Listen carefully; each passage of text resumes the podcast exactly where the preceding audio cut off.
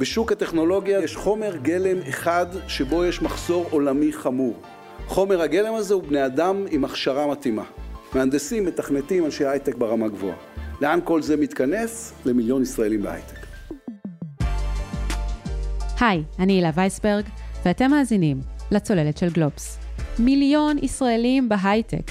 עד לפני חודשים ספורים, זה היה החזון של יאיר לפיד, אז שר החוץ והיום ראש הממשלה של ישראל, שזה אומר פי שניים וחצי ממספר המועסקים בהייטק היום.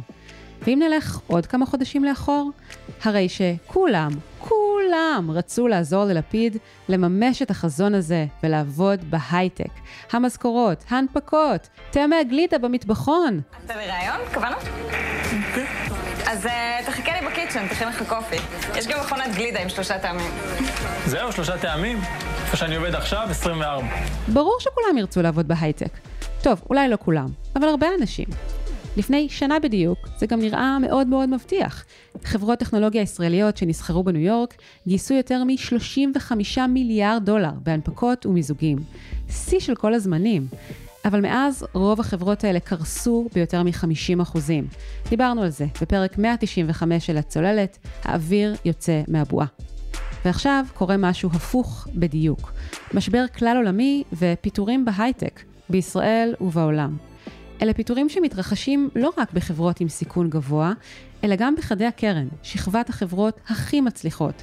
למשל, ראינו פיטורים ממש באחרונה בחברות כמו ורביט, לייטריקס ואי-טורו. קוראים לזה אפקט חודש יולי. זה התחיל בחודש שעבר, יוני, כאשר פוטרו יותר מ-800 עובדים בחברות טק ישראליות, וכעת, חודש יולי, בתוך בסך הכל חמישה ימים, פוטרו כמעט 600 עובדים. אם הקצב הזה ימשיך, נגיע ליותר מ-2,300 עובדים מפוטרים בכל יולי. מספר בכלל לא מבוטל. ויש מקומות שבהם לא מפטרים, אבל בהחלט עוצרים גיוסים. האם גלי הפיטורים הקטנים יחסית בינתיים יהפכו לשיטפון של ממש? ממה הם נובעים? ומה עלולות להיות ההשלכות? היום נדבר על זה עם עורך ההייטק של גלובס, אסף גלעד. היי אסף. היי הילה. בואו נתחיל מסקירה מהירה של חברות ההייטק הישראליות שפיטרו עובדים בחודשים האחרונים. למה דווקא עכשיו? מה מאפיין את החברות האלה? אז אנחנו מדברים על אה, טרנד שהולך ומתרחב. חברות הייטק כידוע פועלות לפי טרנדים, אז אם הטרנד של 2021 היה הנפקות, גיוסים, מיזוגי SPAC, אז הטרנד של 2022 הוא אה, קיצוצים, שינויים ארגוניים ופיטורים. אנחנו מסכמים כרגע כבר אה, מעל 2,000 מפוטרים אה, מאז אפריל האחרון, זה התחיל עם חברות כמו אבו וג'ולט, חברות שקצת פחות מכירים, והגיע באמת לליבה של ענף ההייטק, חדי הקרן כמו לייטריקס ואיטורו, אפילו חברות קריפטו כמו צלזיוס, אז ניתן רק כמה מספרים, למשל באיטורו, אנחנו מדברים על אה, כמאה אה, מפוטרים, בלייטריקס כ-80, מתוכם 70 בישראל, וורביט, חד קרן התרגום, מדברים על 60 עובדים, מספרים לא קטנים, צריך גם להגיד שהקצב אה, הוגבר במיוחד בתחילת יולי, אנחנו מדברים על קצב של כ-2,000 מפוטרים בחודש, אם מה שקרה בתחילת החודש ימשיך והנתונים האלה מתבססים על אה, אתר לסטארט-אפ, שאוסף ומעדכן בזמן אמת את כל הפרסומים על פיטורים בחברות הייטק ישראליות. החברות הללו שציינת אה, נוסקות במגוון רחב של תחומים, נכון? לא מדובר באיזשהו ענף ספציפי שפגיע במיוחד. אנחנו מדברים על אה, מגוון מאוד רחב, על טווח מאוד רחב של חברות, החל מ... תחומים כמו מוצרים לצרכן, כן, מוצרים משלוחים, טכנולוגיות של תרגום, אפילו חברות סייבר שהן, אתה יודע, רחמנא ליצלן, מי היה חושב שחברות סייבר יפטרו, אבל זה גם מגיע לחברות בתחומים האלה, כמו סייבריזן וסניק, זה באמת across the board. ולא רק זה, אלא שמדובר גם בחברות אה, שנחשבות מהמצליחות שישנן. ממש אה, חדי קרן. נאמר לאחרונה שחברות מתחלקות בעצם לשני חלקים, חברות שפיטרו וחברות שעוד יפטרו. אנחנו מדברים על אה, מדגם כלשהו של חברות שפיטרו, זה לא אומר שום דבר גם על מה שיהיה בהמשך. כמובן זה גם הגיע, כמו שאמרנו, לליבה של התעשייה, לחדי הקרן הגדולים והצומחים ביותר. האמת היא שזה בסוף יגיע לכולם, כי אנחנו גם צריכים להבין איך זה קורה, למה זה קורה. הפיטורים האלה והקיצוצים האלה קורים כמעט מסיבה אחת אה, ויחידה. חברות ההייטק הפרטיות צריכות לגייס המון כסף.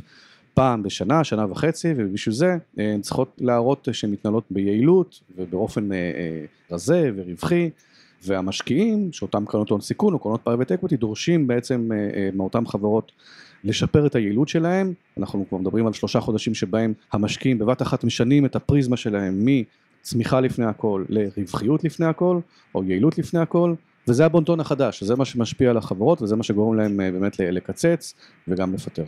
למה דווקא עכשיו? אז אנחנו נמצאים בתחילת יולי, שזה לא רק תחילת החופש הגדול וזה לא רק תחילה של חודש חדש, אלא גם רבעון חדש ואפילו חציון חדש. וכמו שאמר אחד המנכ"לים שדיברנו איתו לאחרונה, תום לבנה, מנכ"ל ורביט, אה, שאין כמו באמת תאריך סימבולי בשביל לעשות ניקוי שולחן ולהראות אה, למנהלים, למשקיעים בעצם, שאתה אה, פועל בצורה שקולה ובצורה מתוכננת, וזה באמת תהליך סימבולי שבאמצעותו אתה יכול לייצר הפרדה בין תקופות, בין חצי שנה שבה התנהלת אולי בצורה בזבזנית לבין חצי שנה שנייה, חציון שני שבמסגרתו אתה פועל בצורה יותר יעילה וברגע שאתה יכול להשוות בין התקופות האלה, קל לך יותר אחר כך גם לגייס כסף. צריך בעצם לקרוא לזה תחרות יופי של חברות סטארט-אפ, כן, החברות רוצות לבוא למשקיעים, כשהן אה, נקרא לזה רזות וחטובות, שהן יעילות, ו... ואותם משקיעים כמובן ניטו להשקיע רק באותן חברות שיוכיחו להם שהן יעילות או שהן מתקרבות לרווחיות. וכל השאר ייקח להם יותר זמן. תחרות יופי בעת משבר, הייתי אומרת. תחרות יופי יחסית. אסף, אנחנו לא מדברים רק על התרחיש הקיצוני של פיטורים בעת הזו, נכון? כלומר, יש גם פשוט חברות שעצרו גיוסים, ועוד נתון שאנחנו רואים אה, ככה מהחודשים האחרונים, הוא ירידה בשכר, נתון של הלשכה המרכזית לסטטיסטיקה. נכון, אז הפיטורים אה, הם באמת רק קצה הקרחון, זה, זה רק אה, תופעת קיצון אולי של תופעה הרבה יותר רחבה של שינוי ארגוני ושל אה, תהליך התארגנות מחדש של אותן חברות שיש מאחוריו כמובן בדרך כלל גם אסטרטגיה עסקית ופוקוס חדש מעבר לרצון רק לקצץ. אז בואו נסתכל גם על חברות שלא אה, פיתרו או לא קיצצו אה, דווקא וגם שם אפילו בחברות שהן מאוד צומחות ובחברות שהן מגייסות הכסף גבוה גם שם יש שינויים. אז עשינו לאחרונה בדיקה ברשת לינקדאין. אגב זו בדיקה מאוד פשוטה קצב פרסום המשרות שם או, או הצמצום או ההרחבה בהיקף המשרות זה משהו שבאמת פתוח לכל אחד, אז ראינו למשל שחברות כמו פאבריק או הייבו או גונג צמצמו בצורה מאוד משמעותית את היקף המשרות המפורסמות בלינקדאין וחברות אחרות הראו איזושהי עלייה. עכשיו מה זה אומר על אותן חברות, האם החברות האלה במשבר? לאו דווקא. אבל אני חושב שזה כן איזשהו חלון לאסטרטגיית הגיוס של חברות, גם המוצלחות והרווחיות שבהן, גם אלה שמגייסות, קצת מאותות את הגיוסים שלהם, אה, וזה כמובן דבר בריא. לגבי השכר אנחנו רואים ירידה משמעותית של 8% בתלוש המשכורת ברוטו הממוצע מפברואר ועד לדעתי יוני על פי הלמ"ס שהשכר כמובן הוא בעצם אה, סימפטום של תגובת שרשרת שמתחילה בכל הסימפטומים האחרים שדיברנו עליהם בעובדה שקשה לגייס כסף, בעובדה שהקרנות יותר אה, קמצניות נקרא לזה ככה יש פחות משרות שפתוחות ויש יותר מפוטרים ואז אנשים שחותמים עכשיו על הצעות שכר חדשות או על תלושי משכורת חדשים הם חותמים בעצם על אה, משכורות מופחתות. כן זה לא שבאו למישהו והורידו לו את השכר. פשוט עברת לעבודה אחרת קיבלת הצעה שיותר נמוכה. כמובן כשיש גלי פיטורים הכוח של העובדים יורד וזה מתבטא גם בשכר. אסף, אז מה זה אומר לגבי כל הפינוקים והתנאים המפליגים שכולנו שמענו שמתקיימים בהייטק וגם גרמו לנו מאוד מאוד אה, לקנא, המסיבות הגדולות, החופשות המפנקות ביוון, במלדיבים, הכוכבים הגדולים שמגיעים למסיבות, כל אלה יפסיקו?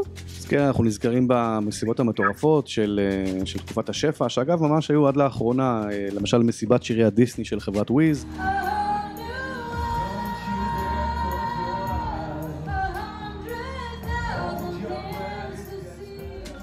למי שפספס, אלה היו נינט טייב ורן דנקר, כיסמין ואלאדין.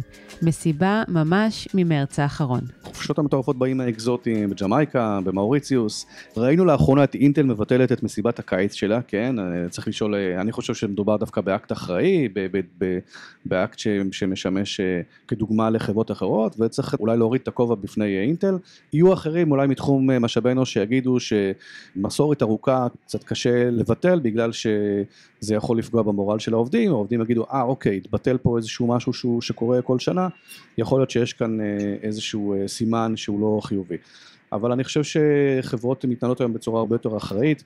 אנחנו גם אה, רואים תופעה אחרת, שבה אה, חברות, גם אם יש להם הרבה מאוד כסף ובמצב טוב, נותנים את הכסף לעובדים ואומרים להם למשל, תשקיעו אותו באיזושהי פעילות שקשורה לעמותה, פעילות פילנטרופית, ואז גם העובדים אה, מרוצים מזה שהם לא מוצאים את העיניים לאחרים וגם עושים פעילות שהיא משמעותית אז אה, אני חושב שאולי יש גם משהו טוב בטרנד הזה של אה, הפסקת אה, מסיבות ואירועים אה, מיוחצנים. כן, כלומר נכנסנו לאקלים שבו אה, מנסים יותר להצניע לכת. וגם אה, ככה טרנד שהזכרנו באחד הפרקים האחרונים של הצוללת, למשל שבוע עבודה מקוצר של ארבעה ימים, שזה איזשהו בונוס שנכנס לכמה חברות הייטק, וגם אה, בונוסים אחרים, כל מיני הטבות כמו אה, חופשה ללא הגבלה, משהו שראינו באמדוקס, אלה דברים שככל הנראה...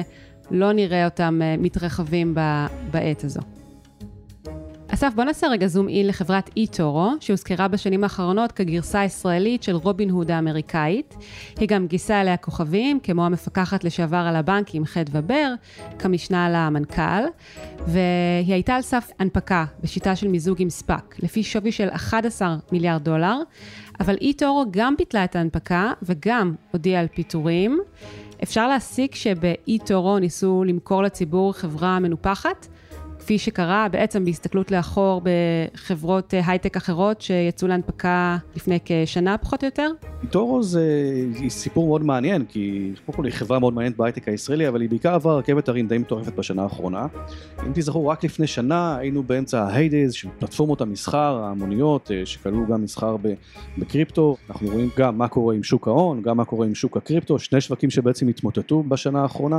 אז לא לחינם ראינו את אה, איטורו באמת אה, מתפשרת על השווי שלה, בהתחלה מדובר על שווי של 11 מיליארד דולר, אחר כך אה, שווי ב-PIPE של, של אזור ה-8 מיליארד דולר, ועכשיו אנחנו באמת לא יודעים מה הולך להיות השווי של החברה הזאת.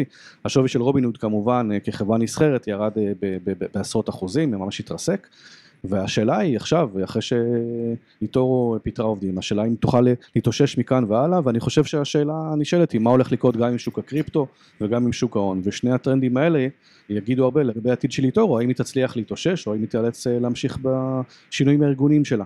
עכשיו איתורו מנהלת משא ומתן, מתקדם לגיוס פרטי של 800 אה, מיליון דולר, אה, בין 800 למיליארד דולר, כנראה לפי שווי של 5 מיליארד דולר. אם היא תצליח להגיע להישג הזה, זה בהחלט יראה שהחברה יכולה אה, אה, לשרוד גם במים הקשים האלה ולגייס כסף לפי שווי שהוא לא רע, חמישה מיליארד דולר, אני חושב שזה גם שווי שהייתה שמחה לחתום עליו במצב הזה. ואנחנו נצטרך לחכות ולראות כיצד יתפתח המשבר שבו אנחנו נמצאים עכשיו, וכיצד הוא ימשיך וישפיע גם על אי-טורו וגם על חברות נוספות, שאולי תכננו לצאת להנפקה וכרגע משהות אותה ורוצות לראות מה קורה בשווקים. אסף, אתה ואופיר דור, כתב ההייטק של גלוב, שוחחתם עם אנשים מתוך אותן חברות שפיטרו עובדים באחרונה, והיה משפט שחזר על עצמו אצל כמה מהם. אנליסטים אמרו לי, אתה לא רוצה לגמור כמו קלטורה והיפו. למה הכוונה? כן, זה תיאור ציורי בעצם של המצב שבו נמצאות היום חברות ההייטק, שאמרנו קודם נמצאות באיזה מין סוג של תחרות אה, יופי, שבו הן צריכות להיות יחסית רזות ויעילות לטובת המשקיעים. בין אם זה משקיעים אה, פרטיים, קרנות הון סיכון, ובין אם זה משקיעים ציבוריים, כן, נכון שחלון ההנפקות בבורסה נסגר, נכון שאין כרגע בעצם הנפקות, אנחנו גם לא יודעים מתי הוא ייפתח מחדש, אבל ההערכה היא שהוא ייפתח מחדש, נניח לפי ההיסטוריה של המחזוריות, עוד שנתיים. אז חברות כבר מכינות את עצמם אה, לעוד שנתיים להנפקה, ומי שלא, לפחות לגיוס בטווח היותר קרוב של השנה, שנתיים הקרובות. אמ, ובאמת כשהן משוחחות, אה, אותן חברות משוחחות עם אנליסטים, אותם מנכ"לים משוחחים עם אנליסטים, הם אה, שומעים לא אחת לקחים, מה החברות אולי לא עשו אה, מספיק לפני שהם נכנסו לשוק ההון, לפני שהם גייסו כסף מהציבור בשנה שעברה, שזה בעיקר נניח אה, לא שמרו על מבנה יעיל, הם היו מאוד הפסדיות, תזרים המזומנים שלהם היה שלילי, יש הרבה חברות שנסחרות, גם אם נניח הן נסחרות ברווח, יכול להיות שתזרים המזומנים חיובי, יכול להיות שאולי הן אה, רחוקות מאוד מרווח, אבל עדיין רואים נניח פעילות של צמיחה מאוד מאוד גבוהה, ובעצם היפו לצורך העניין או קלטורה הם איזה סוג של משל של, אה, של חברות כאלה. ואני חושב שזה באמת משקף שכרגע המשקיעים, בין אם זה משקיעים ציבוריים, בין אם זה משקיעים פרטיים, שמים דגש, באמת יש תוך שלושה ארבעה חודשים שינוי טוטאלי משימת דגש על כיבוש נתחי שוק, כיבוש טריטוריות והוצאת מוצרים חדשים וגדילה וגיוס עובדים, להסתכלות הרבה יותר פשוטה על רווח, כן, בסך הכל רווח, בין אם זה רווח אבידה, אפילו רווח אבידה לא חייב להיות רווח נקי, בין אם זה תזרים מזומנים חיובי, קופת מזומנים, כל הדברים האלה זה דברים שבהחלט אה, משקיעים מסתכלים עליהם היום, ולפיהן חברות נמדדות. אסף, אז הזכרת את חברת היפו, שמגיעה מתחום האינשורטק, ונראה שהמצב בתחום הזה קשה במיוחד. גם היפו, גם למונד הישראלית התרסקו בבורסה בשנה החולפת. ישנה גם חברה נוספת, Next Insurance, שהודיעה באחרונה על פיטורי 140 עובדים. זוהי חברה פרטית. מה מאפיין ספציפית את התחום הזה?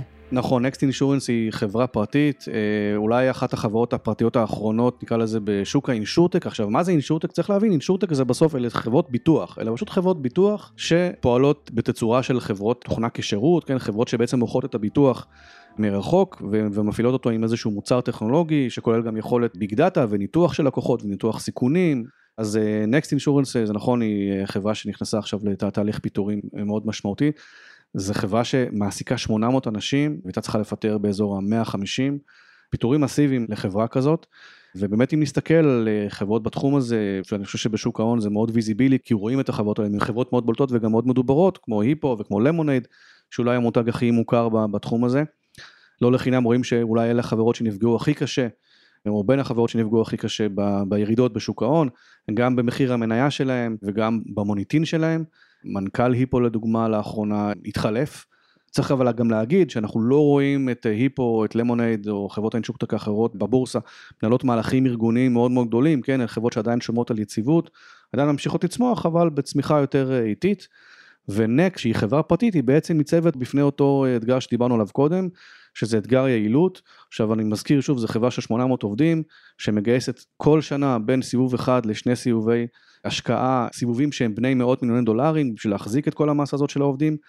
אנחנו מעריכים שהדילמה שלה הייתה כזאת, או לגייס סיבוב נוסף, כמו כל הסיבובים שהיא גייסה, רק הפעם בשווי יותר נמוך, כי אנחנו נמצאים בתקופה קשה, וגם כי המשקיעים באים לנקסט ואומרים לנו, תקשיבו, תסתכלו על היפו, תסתכלו על למונייד, תסתכלו על כל החברות uh, בתחום שלכם בבורסה, הם כולם ירדו בשווי שלהם, אנחנו גם רוצים להעניק לכם שווי יותר נמוך. עכשיו, זה שם חברה כמו נקסט אינשורנס בבעיה, כי uh, יש לה משקיעים, יש לה עובדים עם אופציות מסוימות, ואם עכשיו היא מכריזה שהשווי שלה בעצם ביחס לשווי הקודם, שזה 4 מיליארד דולר יורד, היא מכניסה לבעיה גם את העובדים שהאופציות שלהם נמצאים מחוץ לכסף, וגם את המשקיעים שלהם גם יש כל מיני הגנות על ההשקעות שלהם. אז סיבוב, מה שנקרא בדאון ראונד, מייצר בעיה מאוד מאוד גדולה גם לעובדים, גם ליזמים וגם למשקיעים, ואף אחד לא רוצה להגיע לשם, המשקיעים אחרי זה כמובן צריכים לרשום הפסד, וזה באמת אה, סיטואציה שאף אחד לא רוצה להגיע אליה. אז מה שעושים, וזה כנראה מה שנקסט אינשורנס ורוב החברות היום מחליטות לעשות, זה להאריך את הראנווי. מה זה להאריך את הראנווי? זה בעצם לקחת את הסיבוב הקודם שאותה חברה גייסה, ולהסתמך עליו.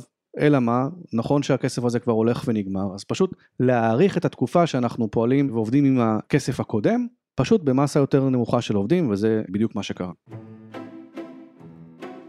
אסף, עד עכשיו דיברנו על אה, פיטורים, אגב, משבר, אפילו גלישה אפשרית למיתון עולמי, אבל חשוב לשים את הנתונים בפרופורציה. אז בואו נדבר עכשיו על היקפי הפיטורים היום, לעומת אלה שראינו עם פרוץ משבר הקורונה, מרץ 2020, מרץ השחור, גם בישראל וגם בעולם. כן, אז uh, נעזרנו באתר שנקרא Layoffs, אה, אתר uh, אמריקאי שממפה את הפיטורים בחברות הטכנולוגיה בכל העולם, והנתונים שם האמת הם די מעודדים, נכון ש... אנחנו מסתכלים עכשיו גם באמת בישראל סיכמנו על 2,000 ומעלה אה, מפוטרים, אבל אם נסתכל בראייה עולמית, בחודשים מאי ויוני האחרונים פוטרו כ-33 אלף עובדים בתעשיית הטכנולוגיה העולמית, בהשוואה ל-52 אלף באפריל-מאי 2020. מספר שהוא אה, נמוך משמעותית ביחס לקורונה, אני חושב שגם אם תדברי עם מנכ"לים את אה, תשמעי שבאמת הלחץ בקורונה והאי ודאות הייתה הרבה יותר גבוהה מאשר מה שקורה היום. הרבה מאוד מהחברות היום מפטרות לא מתוך מצוקה, הן לא נמצאות עם הגב לקיר. מן הסתם יש חברות במצוקה, אבל יש הרבה מאוד מה שנקרא פיטורי מותרות. מה זה פיטורי מותרות? חברות, אה, אם אמרנו קודם, פועלות לפי טרנדים, אז יש עכשיו טרנד של פיטורים, אה, אף אחת לא רוצה להיות הראשונה שמפטרת, אבל גם אף אחת לא רוצה להיות האחרונה שמפטרת. אבל מאוד מאוד נחמד להיות נניח באמצע, שאף אחד לא זוכר אותך, שאף אחד אולי אה, לא, לא שם אליך יותר מדי לב.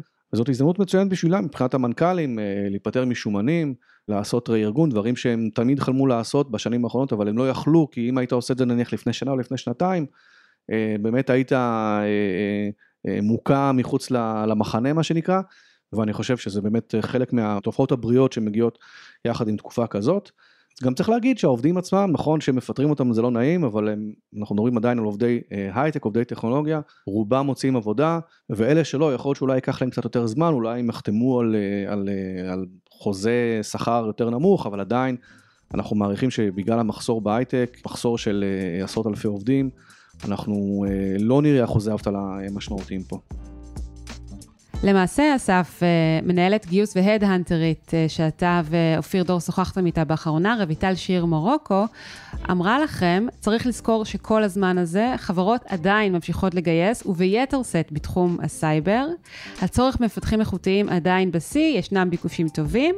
לא רק זה, אלא שהיא אפילו הוסיפה ואמרה, אנחנו רואים עובדים מפוטרים שמשדרגים להם את השכר ב-10 או 20 אחוז במקומות עבודה חדשים. כך שהייתי אומרת שהתמונה סך הכל די דואלית. זאת אומרת, ייתכן שחלק מהחברות שציינו קודם כחברות שמפטרות, פשוט חיפשו הזדמנות, מה, לרענן את השורות? לחלוטין, יש הרבה חברות, אה, אנחנו לא נציין שמות, אבל יש הרבה חברות שאומרות, נכון, אנחנו גם מגייסות, בנוסף לזה שאנחנו מפטרות, אני חושב שזה גם טוב ליחסי הציבור שלהם, יכול להיות שזה נעשה מטעמים אה, יחצניים. אבל אני מניח שיש גם הרבה חברות שמגייסות בתקופה הזאת, צריך גם לזכור שההייטק, נקרא לזה ההייטק הישראלי, שיש בו נניח קרוב ל-400 אלף עובדים, רובם עובדי נקרא לזה פריפריה תעסוקתית, כלומר מקצועות שהם מקצועות הפריפריה בהייטק, שיווק, מכירות, אה, אה, פיננסים, משאבי אנוש או אנשי בדיקות כמובן, אבל יש גם ליבה של אנשי פיתוח, ומתוכם ליבה אולי אפילו יותר משמעותית של אנשים שהם אה, מהנדסים ברמה גבוהה, שבגרו את מגמות ההנדסה הנחשקות בטכניון, אוניברסיטת תל אביב והאוניברסיטה העברית בירושלים. שלושת המוסדות האלה, נניח נסכם אותם באזור ה-1 חלקי 16 מכלל ענף ההייטק. אותה אוכלוסייה זה אוכלוסייה שתמיד רודפים אחריה, תמיד היא נמצאת ברמת ביקוש מאוד מאוד גבוהה, ואלה אותם אנשים שבאמת יכולים לעזוב חברה אחת ולשדרג שכר ב-20-30 אחוז.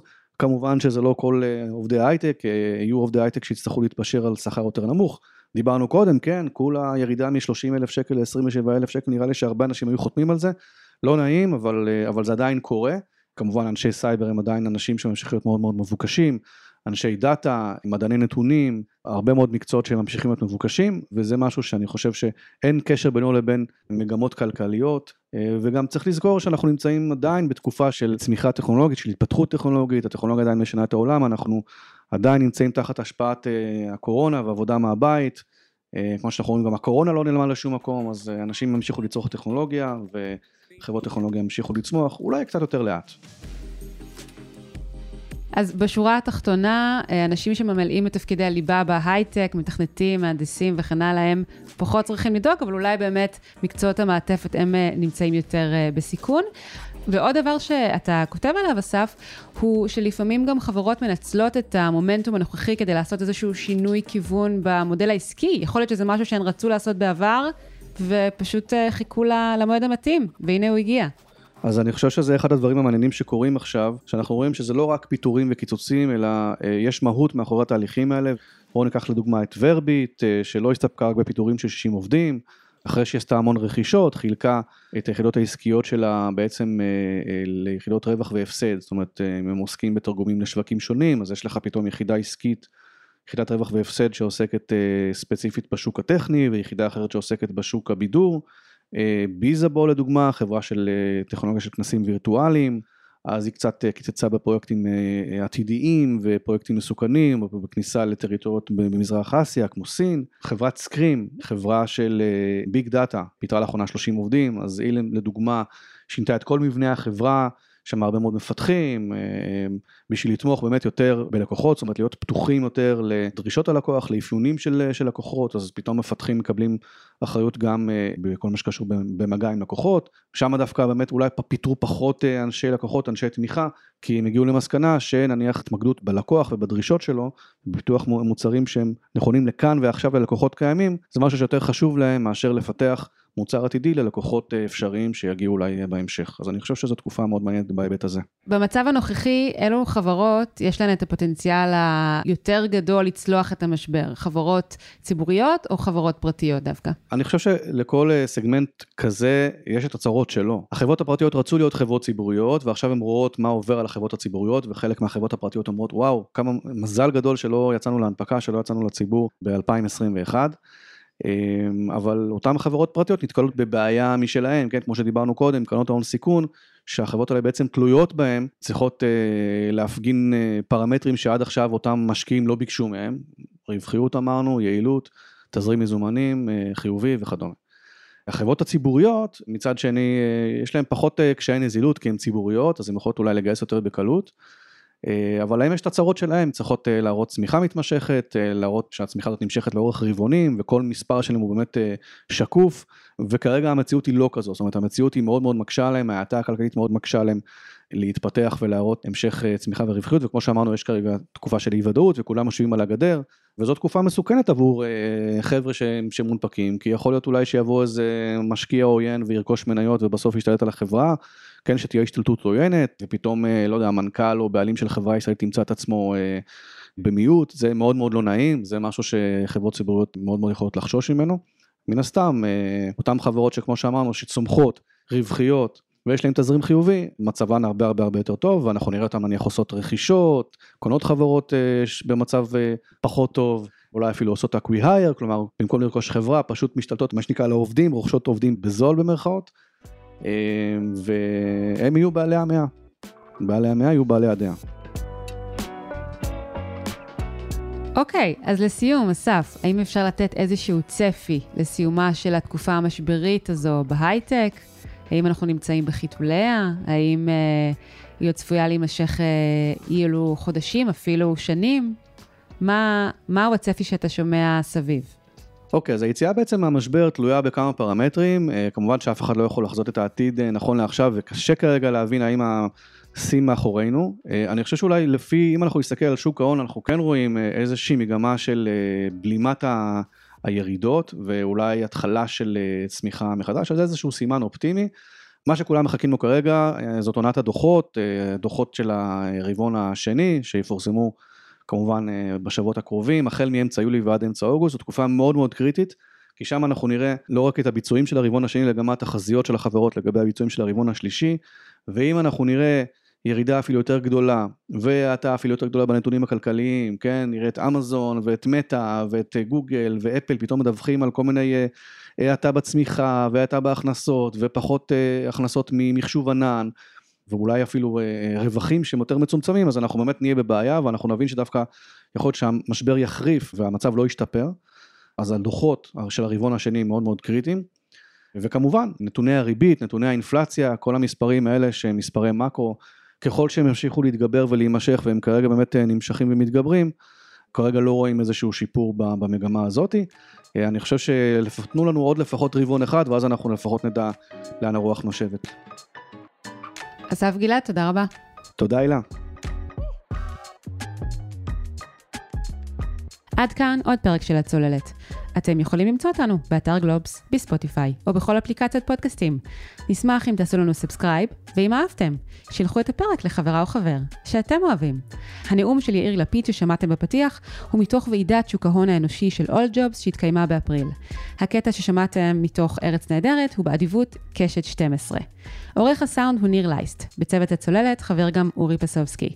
אם יש לכם מחשבות, הצעות, תגובות, שאלות, אתם מוזמנים לשלוח לי מייל בהילה, hila, מקף אמצעי w, at globes, globes.co.il, ויכול להיות שגם נשיב על השאלות שלכם כאן בצוללת באחד הפרקים הבאים. אפשר למצוא אותי וגם את שאר חברי הצוללת בפייסבוק ובטוויטר. תודה לכולכם שהאזנתם, תודה לאסף גלעד. אני הילה ויסברג, נתראה בפעם הבאה. ביי ביי.